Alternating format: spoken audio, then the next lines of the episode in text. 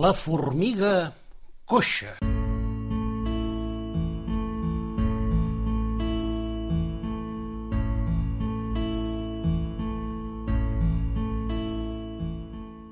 Aquest conte parla de la regalèsia, un arbust molt especial perquè les seves arrels són molt gustoses i, a més, molt alimentoses. Hi havia un formiguer ple de formigues que traginaven amunt i avall els queviures al rebost per preparar-se per l'hivern que s'acostava.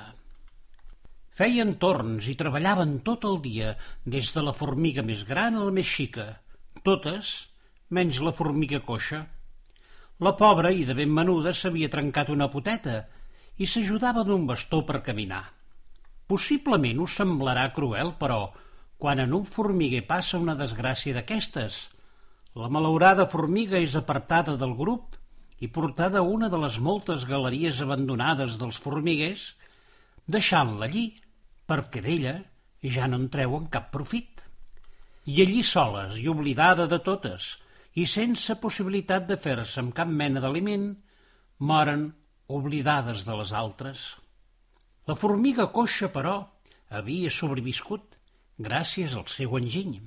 El dia que la van portar a aquella galeria abandonada, no es va resignar i tot fent barrinar el cap, va empescar-se de fer-se un bastó amb un bocí d'arrel que va trobar per allí tirada. Com que no podia tornar amb les seves companyes, va decidir seguir foradant aquella galeria abandonada. Era una feina molt difícil perquè hi havia moltes arrels i això impedia fer camí.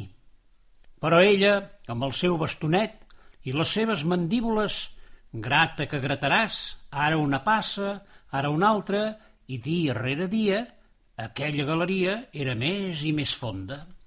Però, ai, las, si les arrels li eren un problema, el seu bastonet n'era un altre, perquè cada dos per tres se li trencava. Això no la desanimava, ben al contrari. Agafava una altra arrel i amb la seva boqueta es fabricava un altre bastó per caminar i gratar a la terra. Els dies van passar molt de pressa i de cop i volta la formiga es va donar que durant tot el temps que havia estat treballant s'havia oblidat de menjar. Com era possible això? Tot i ser una criatura molt petita i tenir una panxa ben menuda, tothom sap que les formigues mengen quatre vegades el seu pes. El cas, però, era que la formiga coixa no només no tenia cap sensació de gana, sinó que tota ella havia crescut el doble que les seves companyes.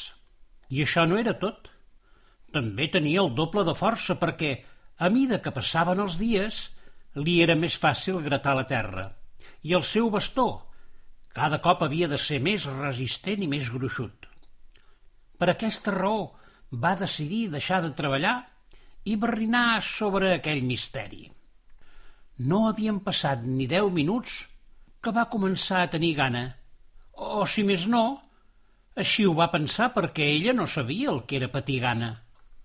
Però aquell rau-rau que sentia la panxa va ser interromput per un gran estrèpit que venia de les galeries on treballaven les seves companyes. Tot el de pressa que li permetia la seva cama coixa va córrer cap allí. El que va veure era espantós. El rebost del formiguer s'havia esfondrat, així com la galeria principal que duia a l'exterior. Allò significava la fi pel formiguer i els seus habitants.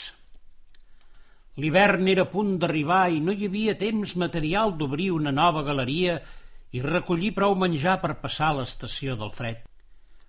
Quan passa una cosa d'aquestes, les formigues es tornen com boges, es barallen entre elles i fins arriben a menjar-se les unes a les altres. La formiga coixa no entenia res del que estava passant. Tant de temps allunyada de les seves companyes, havia esborrat de la seva memòria certs costums – Potser per això va cridar tan fort en veure que les seves companyes es barallaven.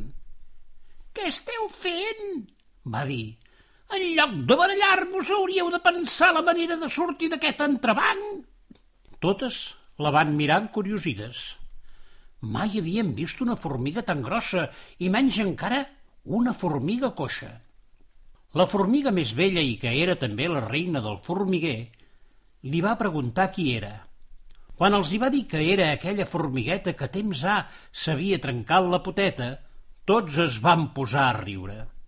Era del tot impossible que una formiga sobrevisqués en una galeria abandonada durant tant de temps i, a més, que hagués pogut créixer d'aquella manera. Com has viscut?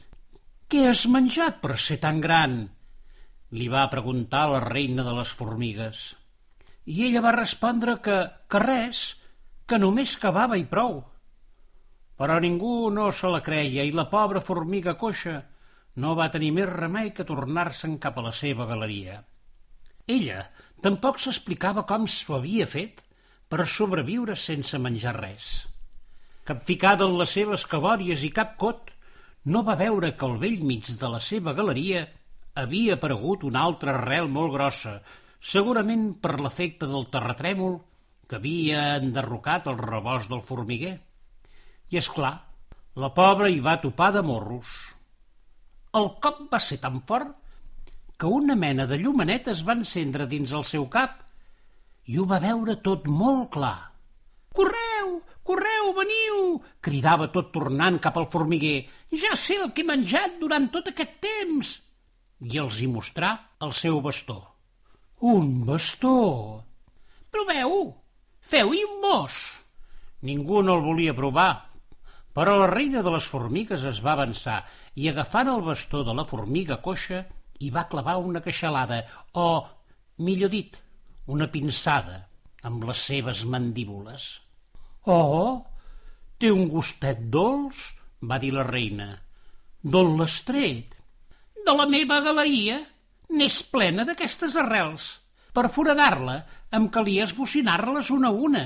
Estic segur que ha estat això el que m'ha alimentat durant tot aquest temps. El que va seguir ho podeu ben suposar. Tot el formiguer va seguir la formiga coixa a la seva galeria i allí van passar l'hivern alimentades mercès aquelles arrels tan gustoses que, per cert, eren arrels de regalèsia. D'aleshores ençà, en aquell formiguer, la formiga coixa va ser respectada per totes les seves companyes. I amb el temps va arribar a ser la reina del formiguer, i el primer que va manar és que mai dels mais s'abandonés cap formiga coixa o malalta.